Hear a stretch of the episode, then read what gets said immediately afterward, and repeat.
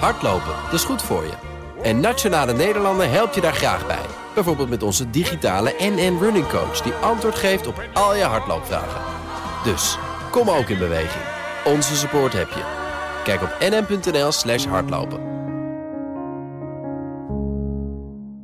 Welkom bij de Miet Curve Show. Mijn naam is Miet, digitaal ondernemer en host van deze show. Fijn dat je kijkt of luistert en vergeet niet te abonneren voor de volgende afleveringen. Mijn gast vandaag is Bart Brands, edelmetaalspecialist en een persoon die dagelijks de financiële markt in de gaten houdt. We leven in een tijd met hoge inflatiecijfers.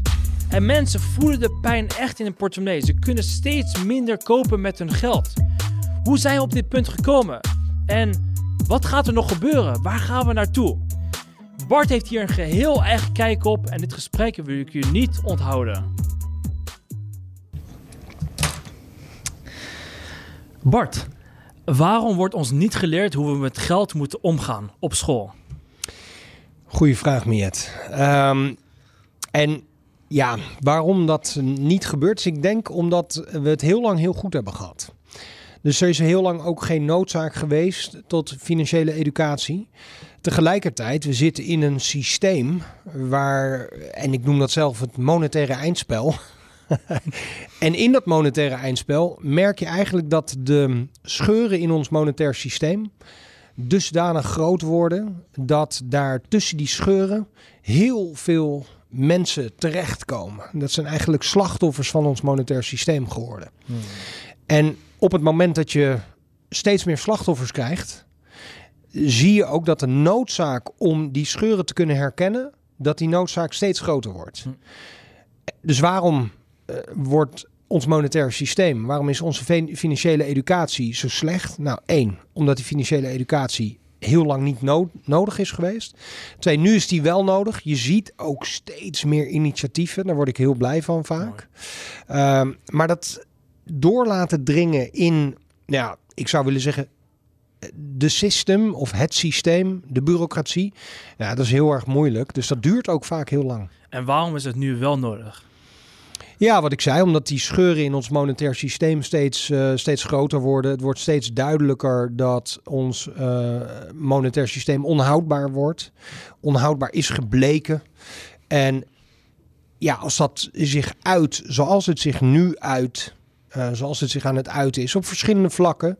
We zitten in een soort permanente crisissituatie. Uh, de scheiding tussen rijk en arm wordt steeds groter. Ja, dan, dan zijn er mensen die eerst vanuit zichzelf, hè, dat zijn de voorlopers, de early adapters, uh, zo je wilt. Die, uh, die gaan zelf op onderzoek uit. Ik denk dat jij erbij hoort. Ik denk dat ik erbij hoor. Um, gelukkig een heleboel mensen horen erbij. Uh, maar de noodzaak om jezelf te onderwijzen daarin wordt dan steeds duidelijker. En vanuit die noodzaak, ja, daar, daar springen dan systemen, die springen daar weer op. Die zien daar mogelijk een verdienmodel in. Of uiteindelijk dringt het door in die bureaucratie. En dan zijn er ook, uh, nou, ik, ik zou willen zeggen, de volksvertegenwoordiger, de wetgever, die ziet het dan ook en die denkt dan, nou, misschien moet er wat gebeuren. Maar omdat het door al die lagen moet, duurt het. Heel lang. Nou, als ik naar mezelf kijk en naar de mensen in mijn omgeving, als ik ze vertel over geld, als ik ze vertel over investeren, ze hebben geen idee.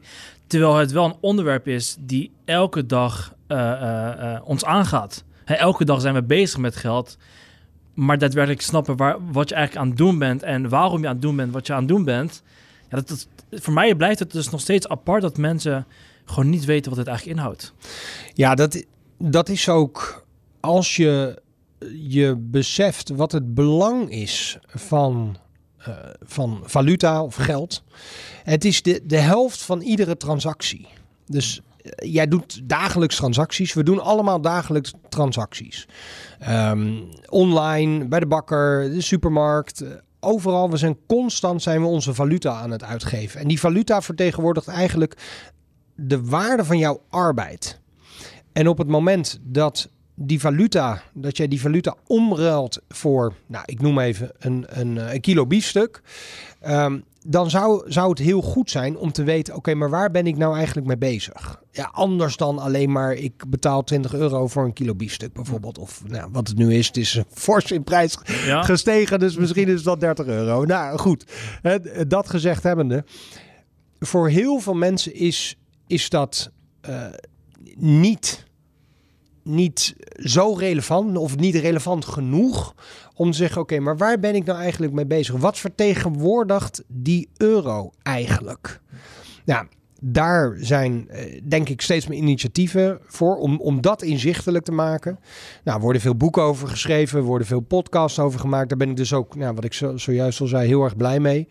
Um, en toch, toch zijn er nog miljoenen mensen in Nederland die, die misschien in een soort overlevingsstand staan, waardoor ze veel meer kijken naar kan ik het nog wel kopen?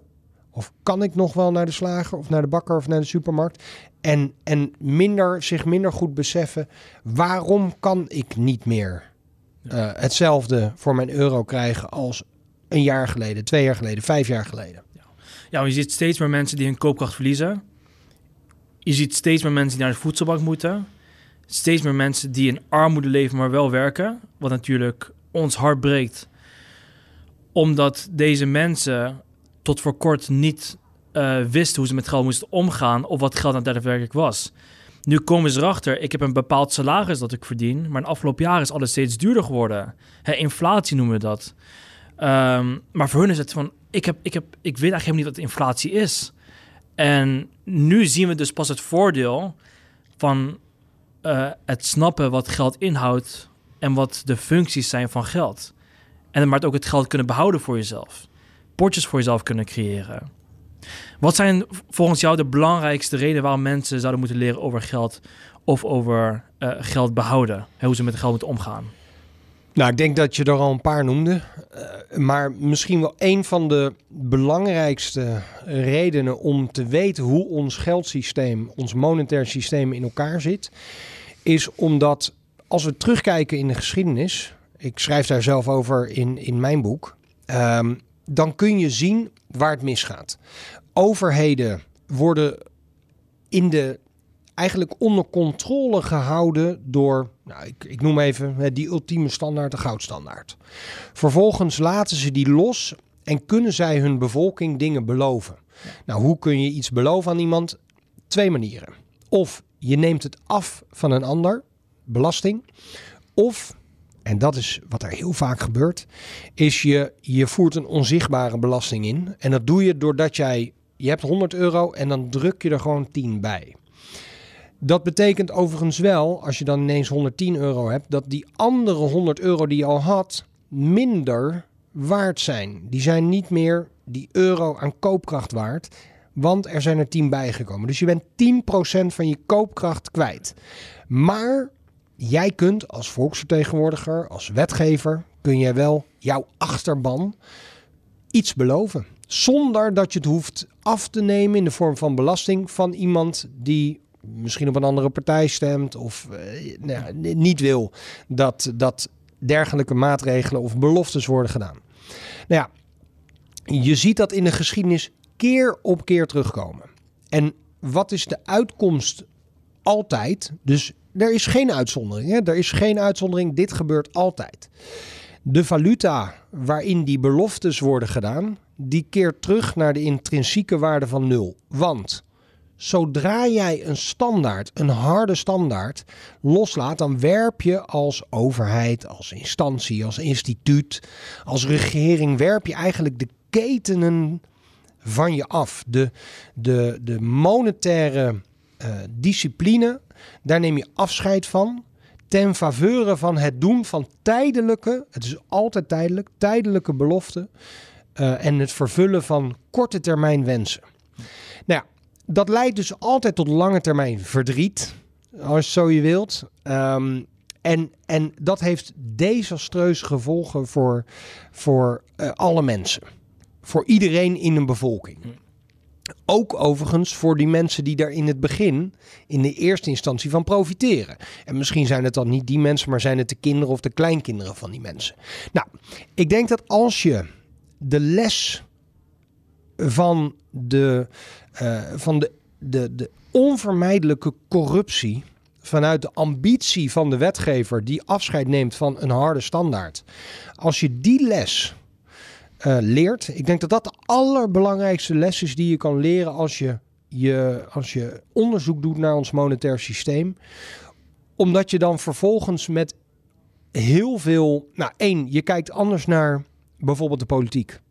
En want je, je ziet dan ook in Nederland politici van alles beloven. En dan denk je, ja, maar hoe ga jij dat financieren? Want we hebben een staatsschuld. Die staatsschuld die wordt steeds groter.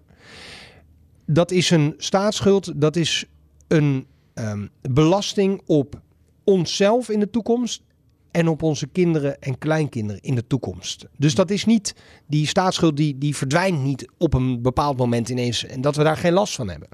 Die staatsschuld, daar hebben we wij, maar vooral toekomstige generaties ontzettend veel last van.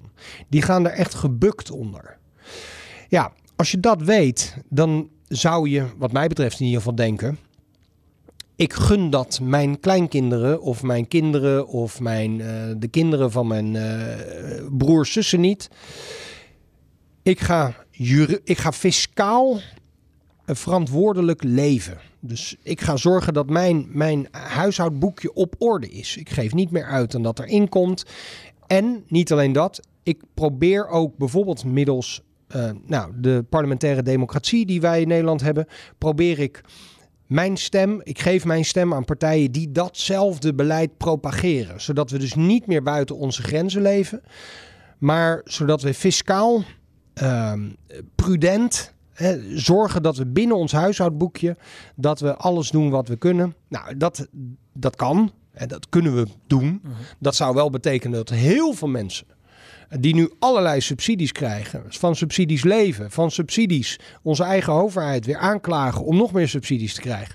Ja, die, die grijpen allemaal naast de, die, die vissen naast het net.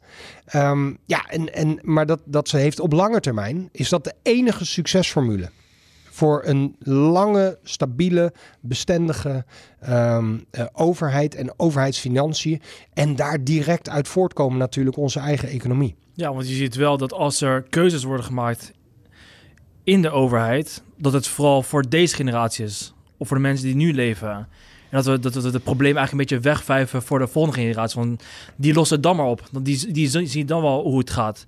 Het bijvoorbeeld ook met het milieu. Die, die, onze kinderen die zien dan wel hoe, hoe het gaat. Als jij, je, je had het over de goudstandaard, je had het over de intrinsieke waarde van het geld. Dat die eigenlijk uiteindelijk weer teruggaat naar nul. Correct. Ik kan me voorstellen dat veel mensen nu luisteren en denken van... Wacht even, maar geld heeft toch een waarde? Heeft toch een intrinsieke waarde? Heeft geld volgens jou geen intrinsieke waarde? Valuta heeft geen intrinsieke waarde. Um, geld, absoluut. Geld, absoluut. En, en ja, dat is, een, dat is bijna een soort missie.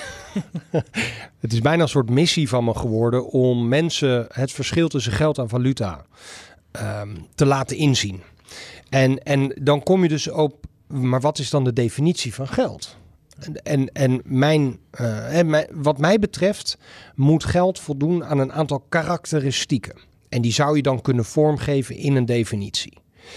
En een aantal van die karakteristieken is misschien leuk om er een paar te noemen, want dan heb je meteen het verschil tussen geld en valuta. En dan weet je dus ook direct waarom valuta altijd terugkeert naar de intrinsieke waarde van nul en waarom geld eeuwige waarde heeft. Nou, als wij denken aan geld, waar denken we dan aan? Nou, we moeten ermee kunnen betalen.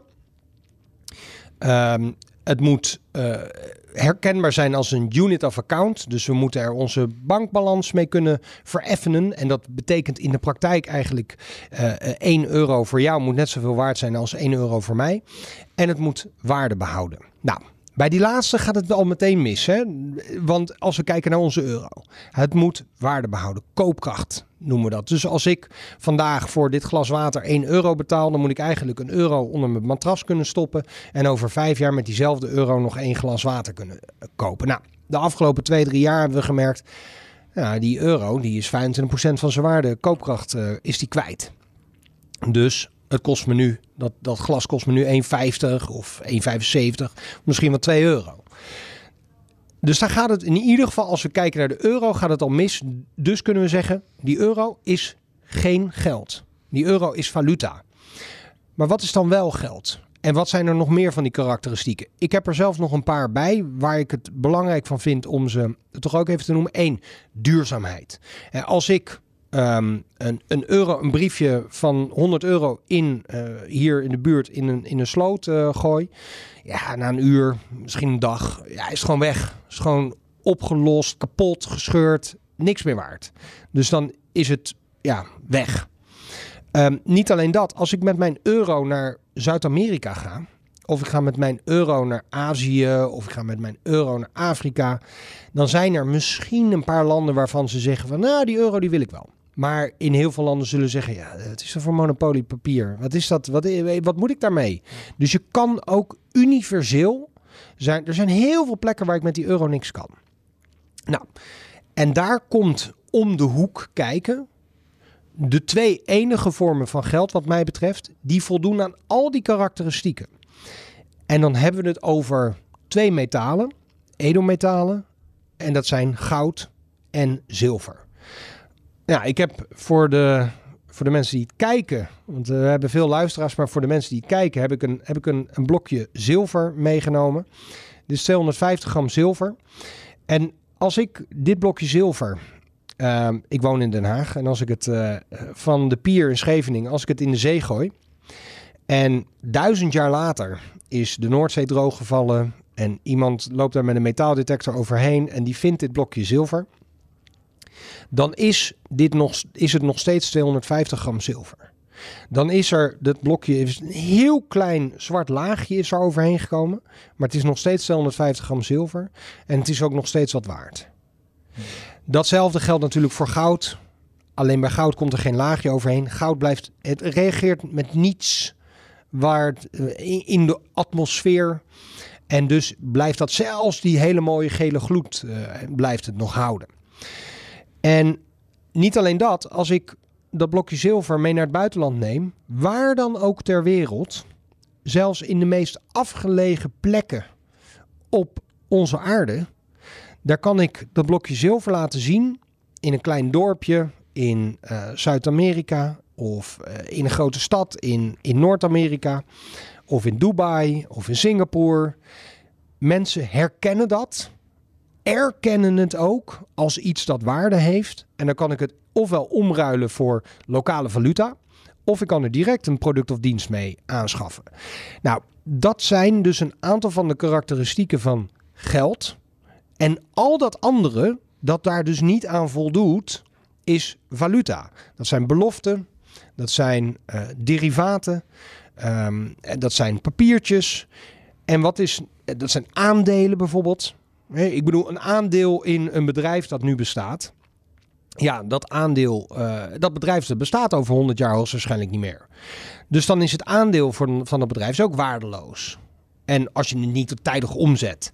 Dus al het andere is op termijn, en die termijn kan lang zijn of kort zijn, maar is wel waardeloos. En alleen goud en zilver zijn, wat mij betreft, dus geld. En valuta was vroeger gekoppeld aan goud, hè, de gold standard. Kun je dat uitleggen hoe de gold standard tot stand is gekomen, maar waarom het ook is afgeschaft? Want het klinkt best wel een goed idee. Hè, valuta uh, uh, gebruiken, maar wel met een koppeling aan daadwerkelijk echt geld.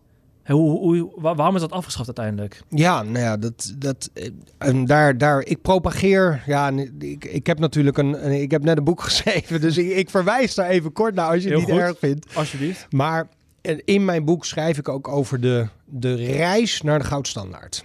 Vanaf het moment dat wij nog gewoon met, met goud en zilver betaalden, uh, dus muntjes, uh, en, en in hele grote, voor hele grote waarde kon het in, in baren. Maar in het dagelijks leven munten. Um, tot het moment waarbij overheden, banken, uh, bedachten van ja, maar ja, dat is toch af en toe best wel lastig. Hè? Als je dan over straat moet met een, zak gouden munten, dat is zwaar. Dat is... En, en er was dus ook niet alleen dat. Het is dus niet alleen maar lastig om daarmee over straat te lopen. Risico's heb je dan ook. Het is soms ook uh, als jij bijvoorbeeld als bank een service wilt bieden, namelijk laat je goud gewoon hier. Wij geven jou een bon voor dat goud. En jij kan direct die bon aan iemand anders geven. Dus dan hoef je niet naar ons toe te komen om je goud van de bank te halen. Uh, je kan die bon gewoon aan iemand anders geven. En die, die persoon die kan dan naar ons toe komen en het goud in, als die dat wil. Nou, dat leek een hele goede uitvinding. En dat heeft ook lang gewerkt. Maar en daar, daar, daar komt dan weer het stukje corruptie om de hoek kijken. Kijk, mensen zijn corrumpeerbaar. En ik zou willen zeggen, eh, er is zo'n oud gezegde, macht corrumpeert en absolute macht cor- corrumpeert absoluut. Zover wil ik niet gaan, maar wat ik wel, wil, wat ik wel zie is, en geleerd heb vanuit onderzoek in de geschiedenis, is dat op het moment dat jij macht geeft aan iemand om iets te kunnen beloven of iets te kunnen controleren, dan zijn er honderdduizend redenen voor ook jou en mij om te zeggen, nou, ga er een klein beetje in mee. En dat kan een heel klein beetje zijn. Hè? En dat hele kleine beetje wordt misschien net iets meer. En dan komt er uiteindelijk een moment. Nou, dan kan je jezelf niet eens meer in de spiegel aankijken, bij wijze van spreken. Maar dat kan wel voor jou, voor mij, voor de mensen die dus te corrumperen zijn. En er is heel veel corruptie in de wereld. Die kunnen op korte termijn daar heel erg van genieten. Misschien zelfs wel een hele leven. Daarmee richten ze heel veel schade aan voor hun eigen kinderen, kleinkinderen. Maar we zien dat constant terug. Dus dat de menselijke aard, de ambitie die wij ook hebben, leidt tot corruptie. En die corruptie leidt tot het afschaffen van datgene wat ons ketent aan, in dit geval, financiële degelijkheid, zijn die goudstandaard. Want wat gebeurde er? In, in eerste instantie, hè, die, die banken die hadden dan wel goud, maar die zagen eigenlijk dat dat goud nooit werd opgeëist. En die dachten dan van, nou, als wij nou als bank vol ambitie. Hè? Want die wilden misschien nog een andere filiaal ergens anders openen. En, en die wilden hun aandeelhouders misschien dividend uitkeren. En dan dachten ze, ja, maar als wij nou, we hebben hier 100 kilo goud liggen. En voor 100 kilo goud aan bonnen hebben we uitgeschreven. Als wij nou voor 101 kilo bonnen uitschrijven, maar we houden 100 kilo aan. Dat zal niet zo heel erg zijn. Want er komt eigenlijk toch in de praktijk bijna niemand dat goud ophalen. En dat begint dan met 1 kilo op die 100. En daar komen ze mee weg. Dus ze denken, nou, misschien kunnen we ook 2 of 5 of 10. En zolang dat goed gaat, gaat het goed. Tot het moment dat er 2 of 300 kilo goud aan bonnen is uitgedeeld, maar er maar 100 kilo goud in de kluis ligt. Iemand daarachter komt, denkt, ik wil nu mijn goud hebben. En dan krijg je een bankrun en dan gaat die bank failliet. Maar ja, overheden hebben, hebben, we, zijn, we hebben nu dat systeem niet meer. Nu hebben we overheden die uh, eigenlijk aan centrale banken kunnen vragen. En de Nederlandse bank is. De staat is 100% aandeelhouder van de Nederlandse bank.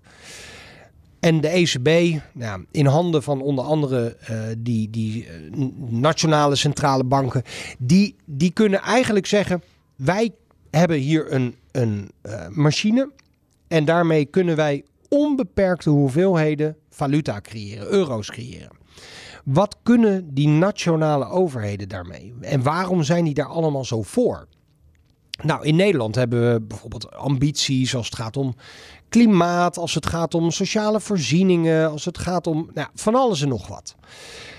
Die ambities die kun je niet verwezenlijken zonder de rekening ergens neer te leggen. De rekening kun je neerleggen bij de mensen die bijvoorbeeld netto bijdragen. En dat zijn dus mensen met een baan die iets produceren. En ik, ik vind daarbij het onderscheid ook heel belangrijk. Je hebt mensen die produceren iets, een product of dienst. En je hebt mensen die produceren niets. En dat zijn dan, ja, in Nederland zijn dat, is dat bijvoorbeeld onze ambtelijke klasse. Er zijn hele goede ambtenaren, er zijn hele goede bureaucraten. Ik, kijk ik bijvoorbeeld naar defensie, kijk ik naar justitie, kijk ik naar um, de, de, de brandweer, dan kijk ik naar hè, die mensen, de, nou, daar, daar waar ze gebruikt worden, uh, mensen die zorgen dat onze infrastructuur overeind blijft. Hard nodig. Maar we hebben ook honderden duizenden ambtenaren, bureaucraten, die dat eigenlijk alleen maar moeilijker maken. En om bijvoorbeeld voor ons om, om te ondernemen, voor ons om um, ons product of dienst aan te bieden aan ja, wie het af wil nemen. Ja, zij zijn niet netto betaler. Zij betalen ook belasting, maar ze betalen belasting van het bedrag dat van ons wordt afgenomen om hen te betalen. Ik vind dat belangrijk om, om te benadrukken. Kijk, wij betalen al die ambtenaren. En die ambtenaren betalen zelf ook belasting. Maar dat is belasting die zij betalen over onze belasting. Ja. Nou, goed. Hoe kun je zo'n systeem in stand houden zonder ons bijvoorbeeld voor 90% te belasten? Kun je alleen maar in stand houden door geld bij te drukken. En dan krijg je die onzichtbare belasting. En die onzichtbare belasting, die noemen we inflatie. Of dat is het bijdrukken van die valuta. En prijsinflatie is waar wij merken dat, eh, dat er eh, inflatie, eh, dat er, ja, dat er valuta wordt bijgedrukt. Ja, dus aan de ene kant Want alles wordt duurder. betaal je belasting over het geld dat je verdient. Aan de andere kant is er nog een onzichtbare belasting. Is namelijk dat er steeds meer geld in omloop komt, waardoor jouw geld minder waard wordt, waardoor inflatie wordt gecreëerd. Ja. Trek die lijn door. Nou ja, die lijn doortrekken. de, als, je dat, als je daarmee lang genoeg doorgaat en je ziet dat. Nou, ik heb, ik heb bijna altijd wel iets bij me. Nou, vandaag alleen zilver in mijn boek. Maar ik heb ook eh, wat ik leuk vind om te doen, is ik vind het leuk om valuta eh, te verzamelen van landen waar het fout is gegaan. En eh, nou ja, goed, ik, ik was begin vorig jaar was ik in, in Kaapstad. En daar kun je bij, bij nou ja, een aantal winkeltjes kon je dan de briefjes van 10 miljard Zimbabwaanse dollars kopen. Ja, 10 miljard Zimbabwaanse dollars. Dus ik, ik ben eh, multimiljardair als het gaat om Zimbabwaanse dollars. Ik denk dat dat een van de mooiste voorbeelden is van wat er gebeurt op het moment dat jij als overheid zoveel ambities hebt, ergo anders wel zo corrupt bent dat je, dat je valuta blijft bijdrukken totdat die valuta niks meer waard wordt. Maar het is mooi, maar het is ook pijnlijk voor de bewoners van het land. Het is, het is dystopisch. Het is echt, het is dystopisch. Als je nu in Venezuela rondloopt. Ja. Nou ik, ik heb daar onlangs op mijn, eh, mijn Twitter nog wat over gedeeld. Over iemand eh, die heeft stapels met bolivar. En die bolivar, dus dat is de nationale valuta van, van Venezuela. Die worden daar ook gewoon in vuilniszakken tegelijk gedumpt aan de straat. Want je kan er niks mee. Nou, er zijn een aantal mensen die heel creatief zijn en die maken dan van die bolivar maken ze handtasjes bijvoorbeeld. Die vouwen die bolivar in elkaar en heb je een handtasje. Daar zit dan voor miljarden aan bolivar in zo'n handtasje en je kan hem kopen voor, voor 1 dollar. Nou, dat is nog een manier om creatief om te gaan met die waardeloze valuta. Maar het is natuurlijk voor de, voor, de, voor de bevolking. De gemiddelde Venezuelaan is in de afgelopen 4, 5 jaar gewoon 10, 20 kilo lichter geworden. Omdat die mensen niet genoeg te eten hebben. Als je daar een kip wil kopen, dan is die s'morgens is die 5 miljard en s'avonds is die 10 miljard. Bij wijze van spreken. Nou, en dat, dat geeft wel aan dat die corruptie, die ambitie van overheden, want daar begint het altijd. Daar begint het altijd. Die zorgt er uiteindelijk voor dat de mensen die dat geloven, en ja, ik wil dat ook heel graag geloven, dat mijn overheid het beste voor mij voor heeft. Alleen, ja, ik kan ook een geschiedenisboek openslaan en dan kan ik gewoon lezen, keer op keer op keer, dat die overheid helemaal niets om mij geeft. Niets om jou, niets om al die arme mensen. Ze doen alsof, maar zo'n apparaat wordt uiteindelijk zo groot dat we er allemaal in vermorseld worden. Ja. En, en, en dus is het één voor mensen heel belangrijk om dat te, te herkennen. Ook voor zichzelf te erkennen. En dan eh, vervolgens de juiste maatregelen te nemen om niet per se. Ja, ik geloof niet in collectieve oplossingen. Dus ik denk niet dat, eh, dat er een, een politieke partij opstaat die ons komt redden. Er, eh, die, die, want uiteindelijk ze raken ook zij Ehm, ze, vallen ze, trappen ook zij in die val van ambitie en corruptie. En dat zie je keer op keer dat mensen die zeggen: ja, maar ik ga het systeem in om het systeem te veranderen. En dan worden ze het systeem. Dus ik geloof in, in individuele oplossingen. Dus kijk naar jezelf. Eh, neem zelf maatregelen voor jezelf. Inspireer daar eventueel anderen mee. En dan kun je op die manier een soort olievlek creëren of veroorzaken. Zonder dat je bezig bent met een olievlek veroorzaken. Hmm. Eh, omdat je leeft en je inspireert op individueel niveau. En als je dat volhoudt, dan zien mensen dat en denken: hé, hey, wat ben jij aan het doen? En raken daardoor geïnteresseerd om dat ook te doen. En zo verander je niet in een systeem, maar van buiten een systeem kan je, kan je wel de wereld veranderen overigens hoor. Dat gebeurt vaak genoeg. Ja. Want dat zie je natuurlijk ook bij de mensen die natuurlijk pensioen hebben opgebouwd. En dan na hun pensioen erachter komen, hè, dan krijgen ze pensioen. Die, die, die, die meldingen waren bij de NOS. Hun koopkracht is gewoon gedaald. Hè, zoals ze vroeger konden met een pensioen, nu kunnen ze gewoon niet meer rondkomen met een, alleen hun pensioen. Maar dan denken ze, hé, maar het is nog steeds hetzelfde bedrag, maar het is gewoon veel minder waard. En als je dan nu uh, dit door gaat trekken, Bart, de euro, wat, wat, wat voor vertrouwen heb jij richting de euro? Wat, wat denk je dat er gaat gebeuren? Nou ja, kijk, ik, ik weet niet wanneer, maar ik weet 100% zeker dat de euro exact hetzelfde gaat doen als al die andere valuta. Er nog nooit een wereldmunt is geweest die het heeft overleefd in de geschiedenis. Er, er is, kijk, je, de dollar heet nog steeds de dollar. En je zou kunnen zeggen, maar je had ook een greenback ergens in de, in de 19e eeuw. Uh, en dat heette toen ook de dollar. Het pond, het, het Britse pond, bestaat al 400, 500 jaar. Maar het Britse pond begon als een pound sterling. Een pond sterling zilver. Ja, op dit moment heb je uh, honderden Britse ponden nodig om één pound sterling zilver te, aan te schaffen. Dus een valuta kan nog wel de naam hebben, bijvoorbeeld pond of dollar. Maar dat betekent niet dat het ook een pond of een dollar nog vertegenwoordigt. En dan kijk ik bijvoorbeeld ook, ik, ik kan dat al met euro zou je dat al van kunnen zeggen. Kijk, de euro toen die werd geïntroduceerd, en ja, ik, ik weet dat gelukkig nog goed. Um, de 2.20371, dat was de, de conversieratio van gulden naar euro. En als ik dan nu kijk naar wat er is gebeurd met de koopkracht van die euro, maar ook wat er is gebeurd vanuit bijvoorbeeld de Europese Unie om uh, andere landen te introduceren, te koppelen aan die euro, dan kun je stellen, denk ik, dat de waarde, of dat die euro, de euro zoals die werd geïntroduceerd, niet meer is. Hij heeft bijvoorbeeld 80%, 85% verloren van zijn waarde als we hem vergelijken met goud. Dus iets in 20 jaar is iets 85% van zijn waarde, van zijn koopkracht kwijt als we het vergelijken met goud. Nou ja, ik, ik kon ehm, in, uh, toen die euro werd geïntroduceerd, kon ik bijvoorbeeld voor een euro een patatje oorlog kopen. Nu kost een patatje oorlog uh, eh, 3,75. Ja, en daarmee zie je dus wat er gebeurt met de waarde van valuta. Kun je het dan nog een euro noemen? Ja, we kunnen hem tot in lengte van jaren kunnen we euro noemen. We kunnen nog honderd keer een ander briefje introduceren en dan zeggen, ja, maar het is nog steeds euro.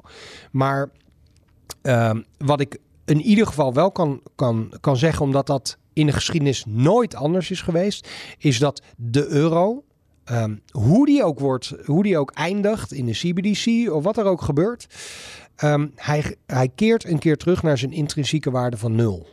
En dat kan gebeuren in stapjes. Soms gebeurt dat in, in hele korte tijd. Nou, het afgelopen jaar denk ik uh, inflatie gemiddeld 15% of zo. Dus ja, dan gaat het in één jaar gaat het ineens heel hard. En ja, dan merk je dus ook dat, um, dat, dat valuta altijd doen wat ze, uh, wat ze doen. En dat is uh, waardeloos worden. Hoe beschermt men zich hier tegen? Ja, nou ja, je begon ermee. Ik denk dat, dat, uh, dat het daar echt begint. En dat is financiële educatie. Dus dat je jezelf bewust maakt van, van één, wat valuta is, wat geld is. Uh, want dan kan je voor jezelf de beste beslissingen nemen. Kijk, ik denk dat er als je gaat investeren, hè, want dat is denk ik ook waar, waar je wellicht een, een klein beetje naartoe wil. Maar ik denk dat daar namelijk investeren bij hoort. Bij jezelf beschermen. Maar investeren is heel erg lastig op het moment dat je één niet weet waar je mee bezig bent. En twee, dat ook niet doet met de juiste intentie of overtuiging. Want je kunt wel investeren, ja, je kan vandaag wel uh, in, in, uh, in bitcoin investeren. Maar wat doe je als de koers 100% omhoog gaat of 50% daalt? Wat is dan je vervolgstap? En wat gebeurt er over een jaar of over twee jaar of over tien jaar? Waarvoor investeer je? En dat heeft allemaal te maken, denk ik, met die financiële educatie, financiële bewustwording. Ehm, nou ja, goed. En daar bijvoorbeeld eh, is deze podcast voor. Eh, heb ik een boek voor geschreven. Ben jij heel erg actief? Ben ik actief? En dus op die manier proberen wij ook vanuit onze eigen individuele overtuiging Ja. mensen, denk ik, te inspireren om in ieder geval een beetje daar naar te kijken en daarmee bezig te zijn. Ja, want eh, educatie is gewoon enorm belangrijk. Hè? Daar begint het mee. Als we het hebben Absoluut. over investeren, zou ik eerder zeggen... begin eerst met de beste investering, namelijk in jezelf. En vervolgens ga je pas kijken naar andere eventuele investeringen. En ik wil graag een quote aanhalen van Ray Dalio. Ehm, hij zei, om als land succesvol te zijn... moeten landen een sterk onderwijs hebben... dat niet alleen kennis en vaardigheden bijbrengt... maar ook een sterk karakter, beleefdheid en werklust. Hoe kijk jij naar de educatie in Nederland? Of in de breedste zin. Nou ja, Ben je goed. tevreden? Ik ben heel erg blij dat ik nu niet op school zit. Ik mag af en toe gastcolleges geven. En dat vind ik heel leuk. En ik zie ontzettend veel talenten op scholen rondlopen. En tegelijkertijd denk ik wel dat ons onderwijs eh, heel erg prioriteiten heeft gemaakt van zaken die secundair zijn. Ja, ik wil niet te specifiek worden. Maar ik denk dat, dat als je begint ehm, zoals nou ja, men vroeger. En, en, en dan, dan even een, een kort zijstapje. Kijk, ik kijk gewoon naar wat is de resultante van, van beleid, van onderwijs. Wat is de uitkomst? En vanuit een uitkomst kun je terugredeneren naar is dit goed? Nou, als ik nu naar de wereld kijk. En ik kijk naar de wereld 20, 30, 40, 50 jaar geleden. Dan denk ik dat er een hoop zaken toen in ieder geval strakker, beter eh, geregeld waren. En, en dan kijk je bijvoorbeeld naar, naar omgangsvormen, menselijke omgangsvormen. Nou ja, goed, ik vind het, eh, naast dat ik het leuk vind om mezelf netjes te presenteren, eh, in een pak te lopen, merk ik ook bijvoorbeeld dat dat bijdraagt aan hoe ik mezelf aan de buitenwereld presenteer. En, en wat dat dus, hoe de buitenwereld weer op mij reageert daardoor. En dat, maar dat zijn zaken die nu allemaal worden gezien als niet alleen onbelangrijk. Het wordt nu zelfs gezien als iets wat je vooral niet moet doen. En, en, en je moet vooral zijn wie je bent, wordt dan gezegd. Je moet zijn wie je bent. Ja, daar ben ik helemaal voor, zijn wie je bent.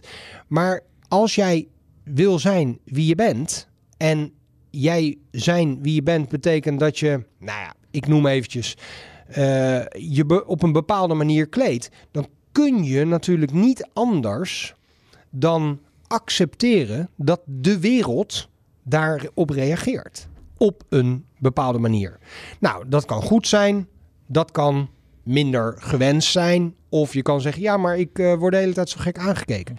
Ja, dat is omdat de wereld blijkbaar vindt dat jij eh, er gek bij loopt. Kijk, ik loop Ja. erbij zoals mensen er al eeuwen bij lopen. In een zakelijk uniform. Ja. En ik merk dat de wereld daar in bijna alle omstandigheden ontzettend positief op reageert. Dus de resultanten van niet de wereld willen veranderen, maar de resultanten van het, datgene wat ik zie, wat er gebeurt en de realiteit waarin we leven. Nou, en dat is dus de manier waarop ik, eh, eh, waarop ik zelf opereer. Dat is wat ik heb geleerd toen ik naar school ging. En ja, ik ben niet heel oud. Ik ben 40. Maar ik zie wel dat er een enorm verschil is tussen het onderwijs van toen ik ja, 12, 13, 14 was en het onderwijs nu.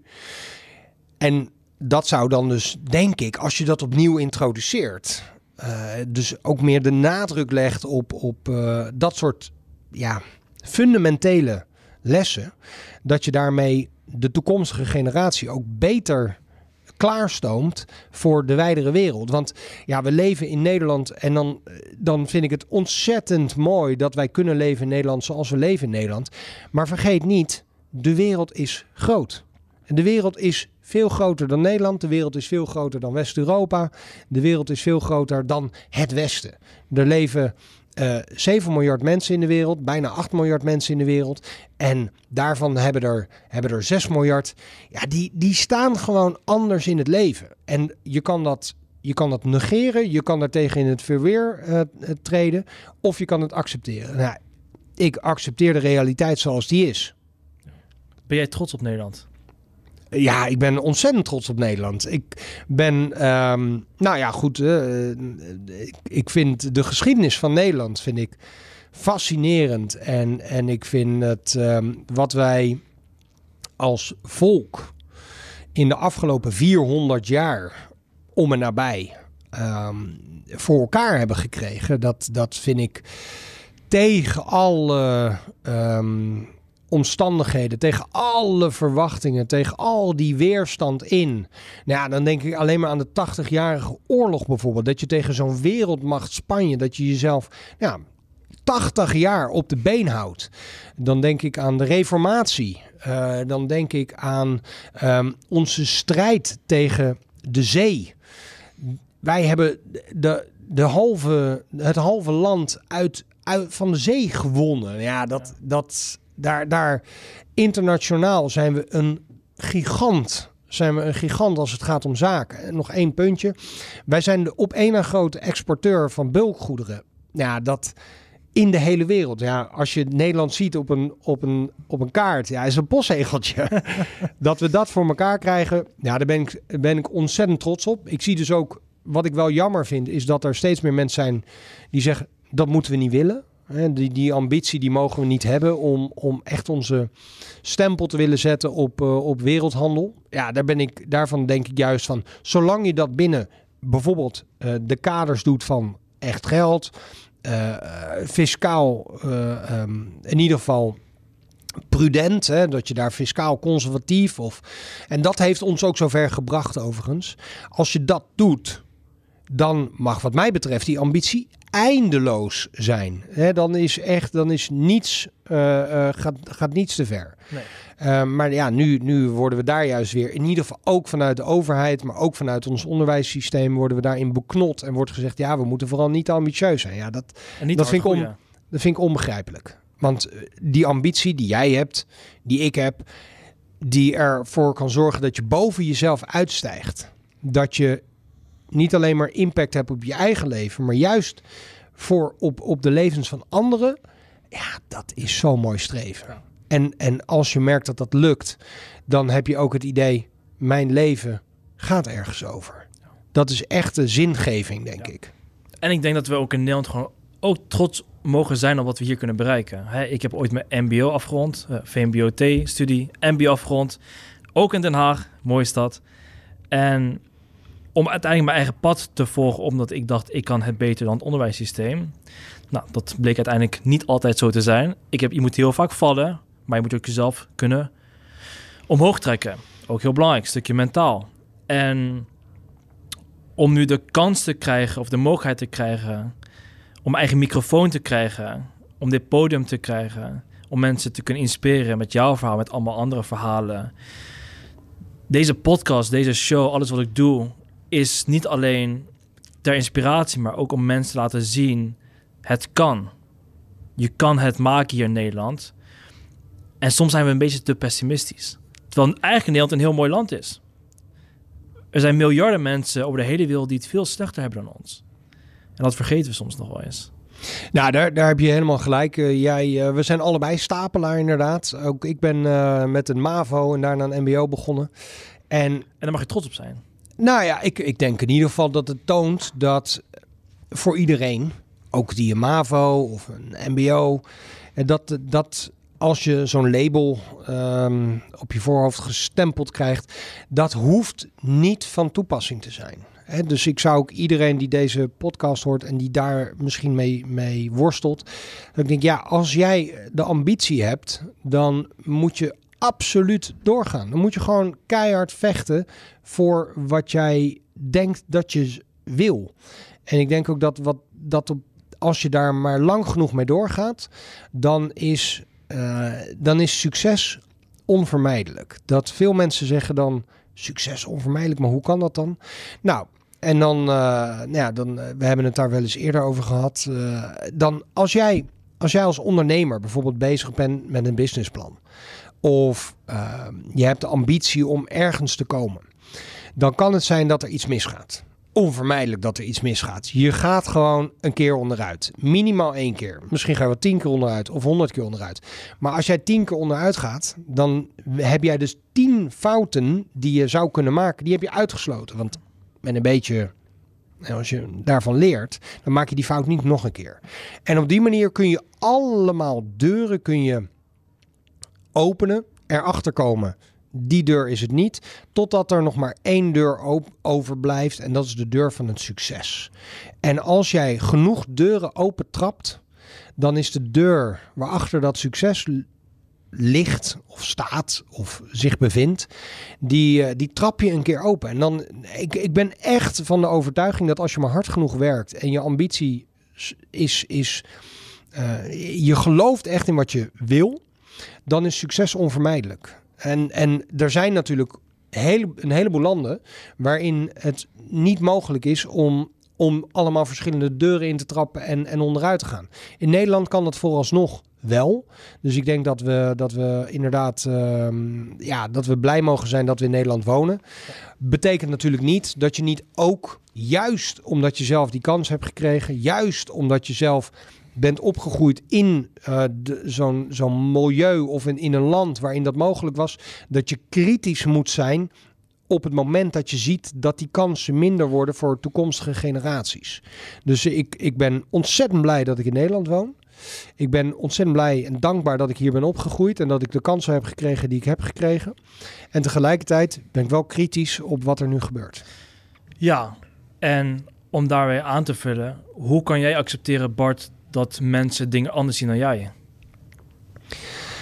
Ja, nou ja, goed. Eh, ik, ik, zolang iedereen mag van mij vinden wat hij wil.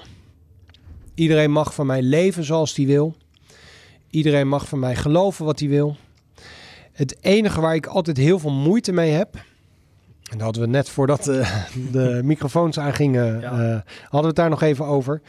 Waar ik heel slecht tegen kan, en ook steeds vaker tegen in het verweer treedt, is dat mensen die iets anders geloven, mij desnoods met dwang hetzelfde willen laten geloven. Ja, daar, maar kijk, en daar ben jij ook ondernemer voor. Daar ben ik ook voor wie ik ben. Is dat je niet accepteert dat mensen die iets anders vinden dan jij, hun mening, nou in sommige gevallen geloof of diep gewortelde overtuiging of ideologie aan jou opdringen. En dan claimen, ja, maar wetenschap of dit is echt het beste of wat jij wil, dat moeten we niet willen met z'n allen. Ja, dat zijn allemaal, dat zijn allemaal uh, termen, daar word ik inmiddels ook met de, in de recente geschiedenis denk ik dat we dat in de afgelopen jaren hebben kunnen zien dat dat zo vaak niet klopt dat ik ook heel erg blij ben dat ik af en toe helemaal aan de andere kant van het, uh, van het spectrum zit van wat de mainstream uh, wil. Of denkt of gelooft. Of mij desnoods met dwang wil opleggen. Ja, dan, dan ga ik. Uh, dan, dan, dan word ik heel. ja, dan, dan kom ik er weer. Dan, nou, treedt er bij mij weerstand op. Dan doe ik, gewoon, doe ik gewoon toch wat ik lekker zelf wil. Ja, is eigenlijk wat, wat je ook eerder tegen mij zei. Wat de overheid tegen jou zegt doe jij vooral het tegenovergestelde. Ja, kijk, en, en ja, ook daarbij denk ik dat het belangrijk is. En mensen mogen van mij vinden dat de overheid alles voor ons moet doen. Maar het zou dan wel ook eerlijk zijn, denk ik, als je dan accepteert wat dat voor gevolgen heeft. Voor, en dan kijk je, oké, waar is dat eerder gebeurd? Nou, dan hebben we bijvoorbeeld denk ik een heel goed voorbeeld van uh, de voormalige Sovjet-Unie. Of Venezuela. Of Noord-Korea. Of nou ja, al die regimes die in de wereld bestaan en hebben bestaan. Waar je ziet dat als overheden controle willen uitoefenen over bevolking, wat dat dan voor consequentie heeft. Niet een theoretische consequentie, nee. We zien wat er gebeurt. We kunnen En we kunnen het aantal slachtoffers tellen. En dat is een direct gevolg van wat een overheid wenst. Het, het is die utopie die overheden schetsen voor ons allemaal. Die uiteindelijk altijd dystopische, desastreuze gevolgen heeft. En, en over de afgelopen eeuw, daar is een heel mooi boek over geschreven, dat heet Democide. Over, van, over de afgelopen eeuw heeft dat 200 miljoen slachtoffers geëist. Ja, dan, dan zou ik dus vooral daarvan leren. Hè, dat erkennen. Dat is niet. We, hoeven daar geen. eh, dat is niet een theorie. Dat kunnen we gewoon lezen. Die slachtoffers, die kunnen we tellen. En dan al zien dat als een overheid de neiging heeft om iets dergelijks te doen, iets te beloven, eh, te zeggen, als wij nu maar met z'n allen collectivistisch, hè, als wij nu maar met z'n allen dit doen, dan kunnen we dat beïnvloeden. Om dan vervolgens te zeggen, ja, maar dat is niet jouw rol, overheid. Jouw rol is je, en ja, dat hadden wij in Nederland in de akte van verlatingen prachtig mooi weergegeven. Inmiddels hebben we daar afscheid van genomen. Maar de laatste het laatste document dat daar nog een beetje op lijkt, dat is denk ik eh, de, de onafhankelijkheidsverklaring van de Verenigde Staten. Eh, waarin een aantal rechten eh, aan ons zijn toegekend. En niet alleen dat, in de, de grondwet van de Verenigde Staten. Dat is een negatief geformuleerde grondwet. Dus daar staat niet in wat de overheid wel moet doen. Daar staat in wat de overheid niet mag doen. Dus de, de overheid zal zich niet bemoeien met.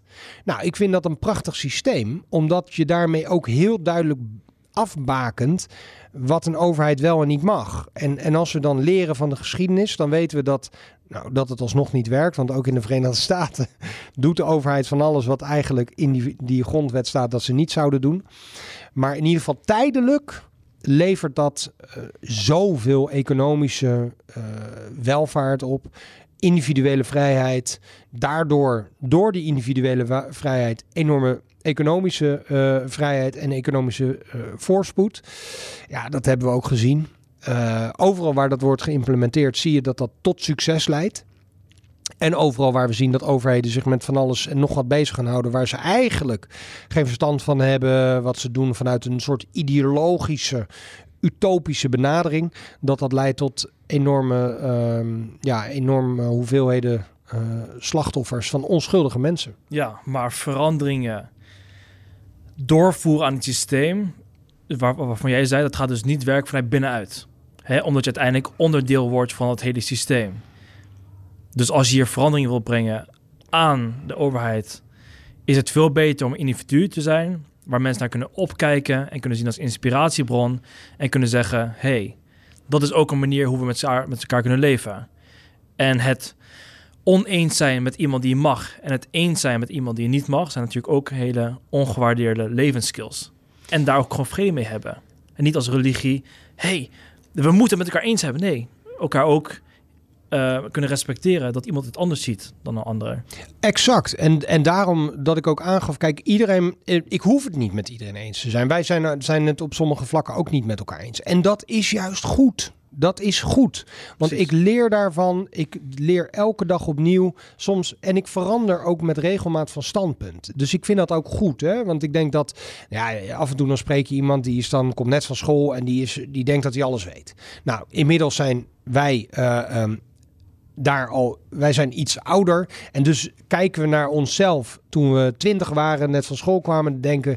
Yo, wat wist je? Je wist toch eigenlijk helemaal niks. En dan merk je ook dat je van standpunt bent veranderd op heel veel vlakken.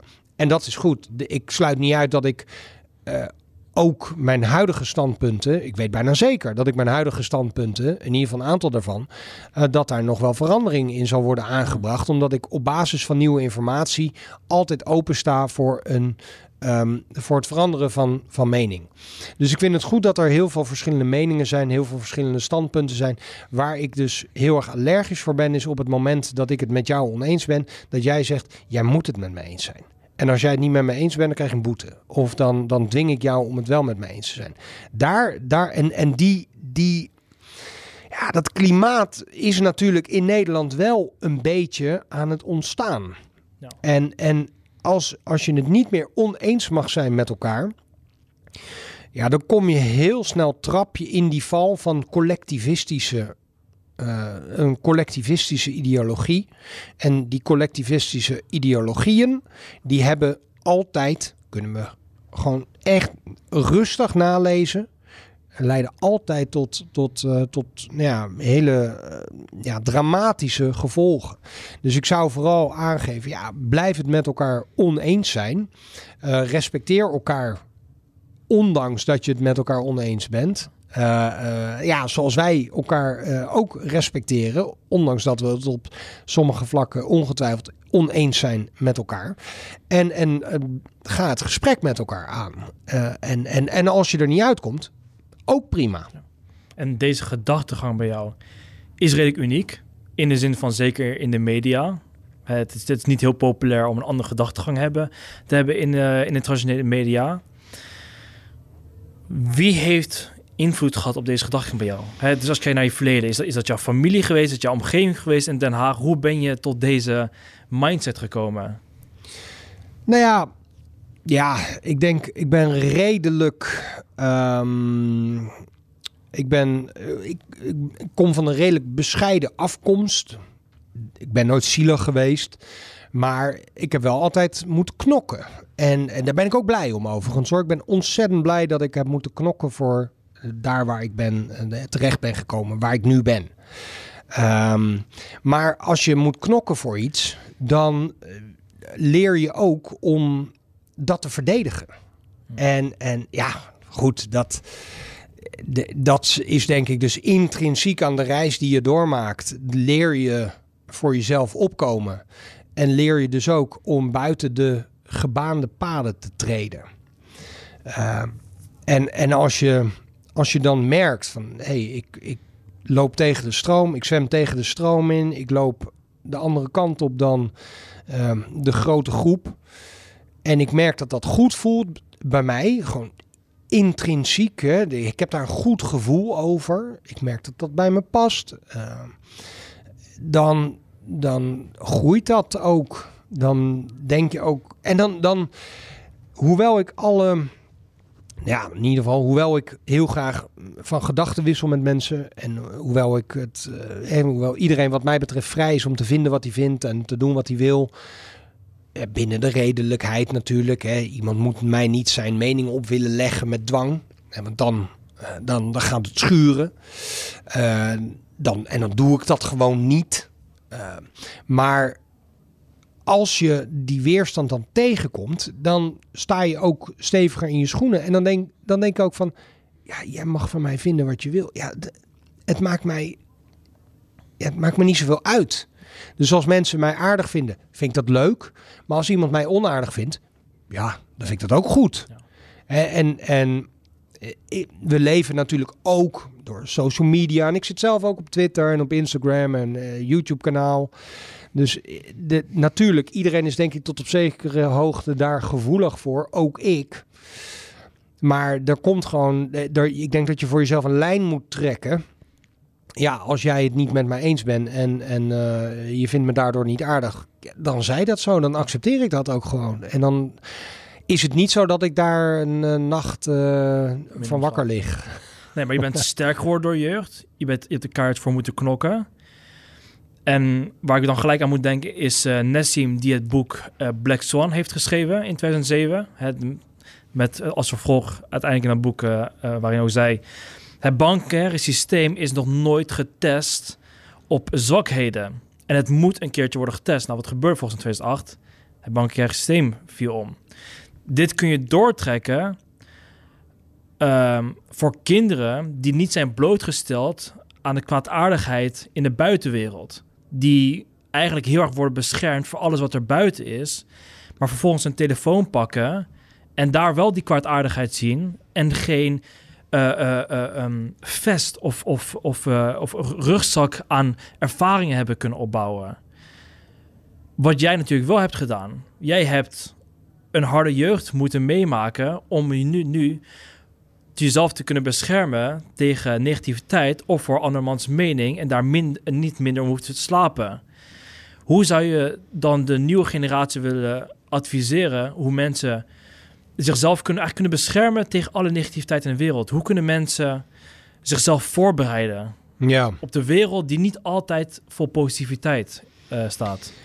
Ja, nou ja, ik, ik, ja, we hebben daar wel eens eerder een gesprek over gehad. Over nou, hoe je vooral, denk ik, als jonge man nu in de wereld eh, zou moeten kunnen staan. Of zou moeten staan. En dat is een hele moeilijke vraag. Want eh, ik, ik kan dan dus ook niet uit ervaring spreken. Ik kan wel zeggen dat ik, ehm, als ik nu kijk naar alles wat er gebeurt op social media, hoe mensen worden gecanceld, eh, hoe je overal op beeld staat. En in, ik ben ontzettend dankbaar dat toen ik wat jonger was, dat er nog niet op elke hoek van de straat, van elke straat een camera hing. En hoe ook niet iedereen met een supercomputer op zak liep. Waarbij je jezelf nooit alleen of veilig kan wanen. Ik denk voorbeeld. en dan spreek ik gewoon vanuit mijn eigen, ehm, eh, vanuit mijn eigen oogpunt. Als jonge man moet je af en toe eh, tegen grenzen aanlopen. En dat vormt, dat vormt je namelijk als mens. En dan weet je ook waar die grenzen zijn. Je weet op welke manier je daar constructief overheen kan gaan om verder te komen. En je weet ook vooral welke grenzen je niet te veel moet testen.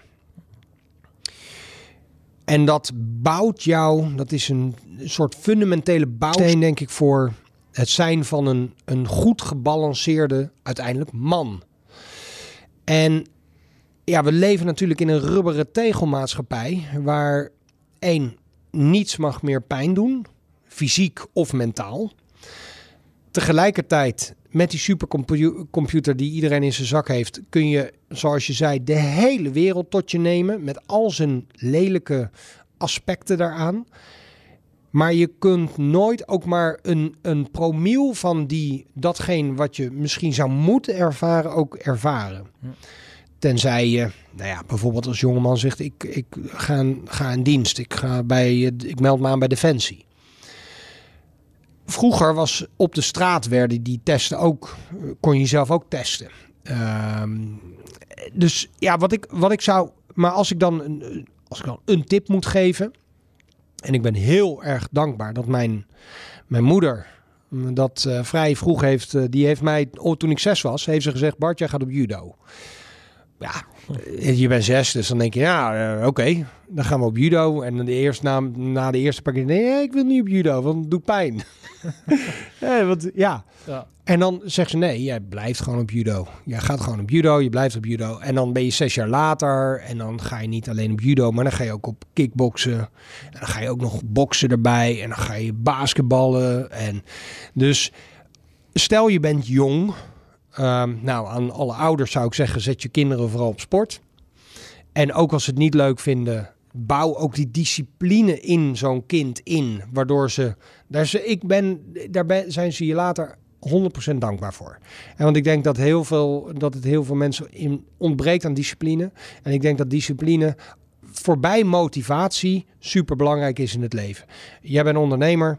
Ondernemen is super mooi. Maar er zijn ook momenten waarop je denkt, ah, waar ben ik mee bezig? Hè? Waar ben ik mee bezig?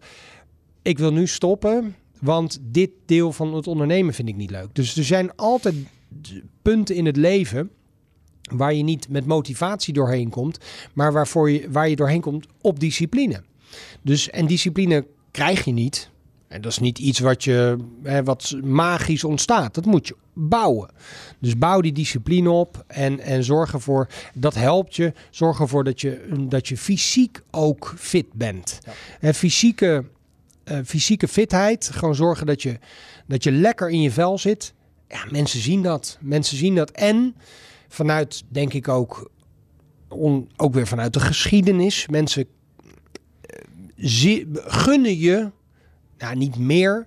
Maar als je, kijkt naar iemand en als jij ziet dat iemand goed voor zichzelf zorgt, dan ben je ook eerder geneigd om met die persoon in gesprek te treden, business te gunnen. Want als je goed voor jezelf zorgt, dat is een hele belangrijke indicator die je instinctief binnen een tiende van een seconde kun je dat, pik je dat op. Ja. Ehm, waardoor je het idee hebt, oké, nou die persoon die zorgt goed voor zichzelf, die zal ook wel goed voor zijn business zorgen. En, en ja, er zijn allemaal natuurlijk nuances die ik nu even niet kan benoemen, want daar is de tijd te kort voor. Ehm, maar ik denk wel dat het daar dat dat een, een aantal ja, tips, eh, ervaringen zijn die ik kan delen. En discipline is moeilijk. Hè, Ja. Want je moet het consistent kunnen volhouden. En daarom is het voor sommige mensen die bijvoorbeeld willen afvallen of gezonder k- willen leven, het erg moeilijk om een schema te hebben waar ze zich aan moeten houden qua voeding. Een mooi, eh, eh, ook een mooi trainingsschema voor, voor zichzelf hebben van hey, maandag ga ik dit trainen, eh, dinsdag ga ik dit trainen. Maar wat ze eigenlijk nodig hebben, is een personal trainer waar ze elke dag voelen van ik moet het ook voor hem doen. En voor sommige mensen is dat precies wat ze nodig hebben. Iedereen weet wel enigszins hoe je moet afvallen of hoe je gezonder moet zijn. Maar daadwerkelijk die discipline houden is heel moeilijk. En als je iemand kan inhuren die jou die discipline bijbrengt, ja, misschien is dat dan wel een stukje gouden regel. Nou ja, goed, daarom denk ik ook dat het belangrijk is om jong te beginnen daarmee. Eh, dus ja, als je dit hoort en, en je hebt nog nooit op een sport gezeten, ja, begin gewoon morgen. Ehm, bij wijze van spreken. We hebben beide ga, op judo gezeten. Ga, ga een rondje lopen Ja. of rond het park. Of, of ja, begin ergens. De- niemand. ni- en, en het maakt ook niet uit of je rijk bent, arm bent. Niemand houdt je tegen om op de grond eh, te gaan liggen en 10 push-ups te doen. Eh, of, of twee. Eh, ergens moet je beginnen en, en dat begin begint nu. En op het moment dat jij het besluit neemt om te beginnen. En vervolgens is, is het dan denk ik belangrijk om ook te kijken naar, ja, maar wat wil, wil ik in het leven? Ik zie af en toe mensen, ook in mijn eigen omgeving, waarvan ik denk van ja, je had zoveel kunnen doen in de afgelopen week, maand, jaar, decennium. En je hebt dat niet gedaan. En dan vraag ik ook of die mensen zijn, ben je dan gelukkig? Nou, eigenlijk wil ik wel dit of dat doen. En, maar die start, die, die komt dan op de een of andere manier niet. Omdat mensen ook voor zichzelf een soort berg hebben opgebouwd. Terwijl je, ja, dat begint toch met die, met die eh, een, stel je bent, ehm, je hebt de ambitie. En als jij eh, overgewicht hebt en je voelt je daar prima bij, nou, moet je lekker doen. Eh, dat, daar ben ik dan vrij in. Iemand mag voor mij de hele dag op de bank liggen en, en nou ja, ongezond eten. En nou ja, dat, dat is, daar sta je helemaal vrij in. Zolang je mij maar niet dwingt om dat ook te doen. Nee. Of om het goed te vinden dat je dat doet. Ja, want ik vind het niet goed dat mensen dat doen. Het is ook niet goed. En ik denk dat daar genoeg medische literatuur over eh, te vinden is. Maar je bent wel vrij om het te doen. En aan de andere kant, als iemand die dat doet tegen mij zegt: Ja, maar ik wil iets anders. Dan ben ik in ieder geval niet te beroerd om te zeggen: Van nou ja, dan eet je toch wat minder en dan beweeg je wat meer. Iets wat heel laagdrempelig is, denk ik, voor iedereen haalbaar. Maar ja, dan, dan eindigt het vaak, want mensen zijn heel vaak gemotiveerd. Ik ga drie, drie keer per week minimaal naar de sportschool. En dat is wel leuk om te zeggen, want ik denk een leuk praktisch voorbeeld. In januari en februari zie ik altijd, is het altijd standaard 20, 30 procent drukker. En dan in maart, dan wordt het weer wat rustiger. En, en tegen, tegen mei, juni, dan zijn, is het grootste deel van de mensen die in januari, februari kwamen op motivatie. Hè? Motivatie, super gemotiveerd. Om iets te doen aan hun fysieke gezondheid. Of een, en, en eh, kijk, fysieke gezondheid, dat heeft bijna altijd als resultante mentale gezondheid. Want je voelt je beter. Er worden allerlei stofjes aangemaakt waardoor je je lekkerder voelt. Eh, je ziet je lichaam veranderen, dat is ook mooi. Maar in mei ja, is er bijna niemand meer over. En dan denk ik ook altijd van, nou, in januari is het weer heel druk. Dan denk ik, nou, in maart eh, zijn alle apparaten waar ik gebruik van wil maken, die zijn wel weer vrij als ik binnenkom. Ehm, maar het is denk ik een voorbeeld van hoe motivatie je ergens kan krijgen, maar discipline je ergens houdt. Mooi. Mooi. En hetzelfde geldt natuurlijk ook uiteindelijk voor investeren. De consistentie. Ja, nou ja, dat is een heel mooi bruggetje. Kijk, als je, als, je je als je je zorgen maakt over ons pensioenstelsel, over ons monetair systeem dat echt op zijn laatste benen loopt, en het monetaire eindspel dat nu gaande is. Als je denkt, ik wil daar. eh, Stel je bent overtuigd dat er geen collectieve, collectieve oplossing is. en je wil voor jezelf aan de slag, nou, dan is de, eer, de beste investering die je kunt doen, is investeren in jezelf. Vervolgens moet je ook iets doen met, als je, al is het maar een tientje over hebt aan het einde van de maand, dan moet je daar wat mee doen. Dan kun je zeggen, nou, ik spaar gewoon met eurotjes. Maar wat heeft dat je opgeleverd anders dan ontwaarding van die euro, de koopkracht daarvan? Nou, en dus moet je ook een, een educated guess, hè, dus je moet een, een overtuigd zijn van een bepaalde investeringsklasse. Je kan zeggen, ja, ik stop het allemaal in bitcoin. En als dan bitcoin 70% is gedaald en je raakt in paniek en je verkoopt het, dan ben je nog slechter af. Dan had je het beter in euro's kunnen laten zitten, want dan had je meer gehad. Maar dan moet je voor jezelf een, een, een lange termijn plan maken. Lange termijn. En dat is consistentie, is super belangrijk. Dollar cost averaging strategieën kun je toepassen. Sparen, maandelijks inleggen. Je kunt, maar wel met overtuiging. Uh, kun je voor jezelf een plan maken daar waar jij in wil investeren. Dat kan goud zijn, dat kan aandelen zijn, onroerend goed, uh, cryptocurrencies. Het kan zijn wat je zelf wil. Uh, maar je moet wel zorgen dat je dat doet, dat je met, met, met overtuiging en discipline uh, die investeringen doet. En dan gaan bijvoorbeeld het achtste wereldwonder compound interest, uh, die gaan dan werken. En dan merk je gewoon dat hoe vroeger je daar overigens mee begint, hoe, hoe meer race, hoe, hoe, groter de kans op succes en hoe groter het succes ook zal zijn. Uh, ook daar bij investeren zal je ongetwijfeld een paar keer onderuit gaan. Maar dat moet jou dan dus ook weer leren om die fouten uit te sluiten om te zorgen dat succes onvermijdelijk wordt.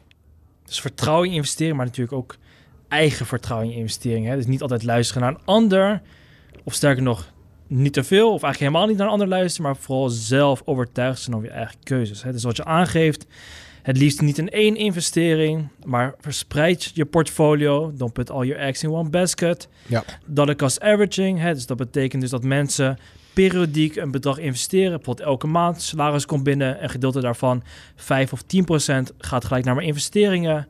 Verspreid het tussen risicovolle investeringen en natuurlijk minder risicovolle investeringen. Nou, en wat is een risico of een minder risicovolle investering? Is natuurlijk de track record enigszins. Ja. Het is hoe lang in de historie is die omhoog gegaan. Nou, bij goud heb je een iets langere track record inderdaad dan bitcoin. Um, en hou dat inderdaad consistent vol. En soms gaat de markt omlaag, maar uiteindelijk gaat de markt bijna altijd weer omhoog als je op de langere termijn kijkt naar de grote uh, bewezen investeringen. Nou ja, ja daar, daar, komt het denk ik, daar komt het denk ik wel op neer. Waarbij, waarbij je ook. Nou, waarbij het ook goed is om, om. Kijk, van tevoren een plan hebben. En inderdaad, wat je zei, heel belangrijk dat ik daar nog even op terugkom. Kijk, je kunt. Natuurlijk, je kan als jij bijvoorbeeld mijn boek wil lezen om iets te, meer te willen weten over bijvoorbeeld goud, dat is heel goed. Informatie tot je nemen is heel goed. Ik zeg altijd, ik weet niet wat er gaat gebeuren. Kijk, als ik wist wat er ging gebeuren, kon ik van een dubbeltje een miljard maken. Ik weet niet wat er gaat gebeuren. Ik ben geen miljardair. Um, en als ik wist wat er kwam, dan was ik het wel geweest. Dus luister vooral niet naar mensen die zeggen: je moet daarin investeren. Je moet zoveel daarin investeren op dat moment. Want die mensen hebben het allemaal op enig moment mis. En je wil niet. En, en het, het, het is ook niet relevant voor jou. Want ik kan wel naar een goeroe luisteren die zegt: Ja, morgen is uh, Bitcoin 100.000 euro. Oh, nou, dan ga ik Bitcoin kopen. En dan overmorgen is die niet 100.000 euro, hij is nu 20, maar dan is die 10.000 euro. En dan kan ik, ja, maar jij hebt het gezegd. En wat heeft dat dan voor invloed op zo'n persoon? Ja, nul. Nul. Heeft nul invloed. Die, zal daar, die ligt daar ook niet over wakker. Nee. Dus je doet het altijd op basis van je eigen overtuiging. Het is ook de enige manier om het consistent te kunnen doen. Als jij zegt, ik geloof in vastgoed. En als vastgoed halveert, dan lig ik daar geen minuut langer, dan lig ik daar geen minuut over wakker hartstikke goed. Moet jij in vastgoed investeren? Ik investeer in, in edelmetalen, ik investeer in cryptocurrencies. Ik weet high risk, high reward, low risk, uh, iets minder rendement. Um, en wat er ook gebeurt met die investeringen, ik kijk één, als, die, uh, als, die, als de waarde daarvan daalt, investeer ik gewoon meer. Dan denk ik, nou, ik kan nu iets goedkoper kopen dan vorige keer. Ja. maar dat doe ik alleen maar omdat ik geloof dat het over 10, 20, 30 jaar zoveel oplevert dat ik er comfortabel van op met, met pensioen kan. Eh, Dus ja, ik denk dat dat echt, dat je nooit, je kijkt nooit een ander aan op het moment dat het een keer fout gaat. Want je hebt daar niks aan. Je bent zelf in control, je bent zelf verantwoordelijk. Het zijn jouw euro's. En je kan iemand anders wel zeggen, ja, maar jij bent de schuld van mijn falen. Ja, en dan? Ja. Daar, daar word je niet beter van. Hè? Je, je, het is niet dat je dan ineens eh, gecompenseerd wordt of dat het dan ineens eh, ja, beter gaat met jou. Het enige wat je kan doen is, je, is dan je, je, je ellende delen met een ander. Dus ik, ik deel anders dan de ellende delen. Collectief. Ga ik, ze, ik inderdaad collectief. ga ik veel liever individueel op basis van eigen onderzoek en overtuiging eh, investeer ik in wat ik denk dat voor mij eh, goed is. Mooi. Bart, ik wil je enorm bedanken. Ehm, ik denk een, een, een heel mooi eindstuk dat je inderdaad ook zegt... hey, investeren is goed. Houd consistent vol. Doe je onderzoek. Je hebt een prachtig YouTube-kanaal... waar je zelf ook hele mooie video's deelt... ehm, over de materie. Over wat er speelt, maar het ook heel goed uit weet te leggen. En ik denk dat dat een kunst is... om moeilijke materie makkelijk uit te leggen. Heb je hier vandaag ook gedaan. Dankjewel. Is nog iets, is iets la- een laatste ding wat je wil meegeven aan de luisteraar? Ehm, nou ja, goed. Als het mag. Kijk, in ieder geval, stel je wil wat meer van die informatie tot je nemen, dan kun je ook even naar mijn YouTube-kanaal gaan. Eh, dat is het YouTube-kanaal van Gold Republic. Ja, that's Mooi. it. Mooi. Bart, ik wil je enorm bedanken. Miet, hartstikke leuk om hier te zijn. Dankjewel. Dankjewel. Dankjewel.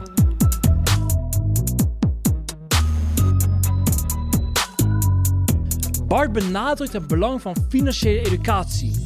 De middelen en de kennis om jezelf financieel redzaam te maken in deze wereld. Wacht niet op de overheid, maar neem het heft in eigen handen. Abonneer op dit kanaal voor de laatste aflevering van de Miat Curves podcast. Tot volgende week. Hardlopen, dat is goed voor je. En Nationale Nederlanden helpt je daar graag bij. Bijvoorbeeld met onze digitale NN Running Coach... die antwoord geeft op al je hardloopvragen. Dus, kom ook in beweging. Onze support heb je. Kijk op nn.nl slash hardlopen.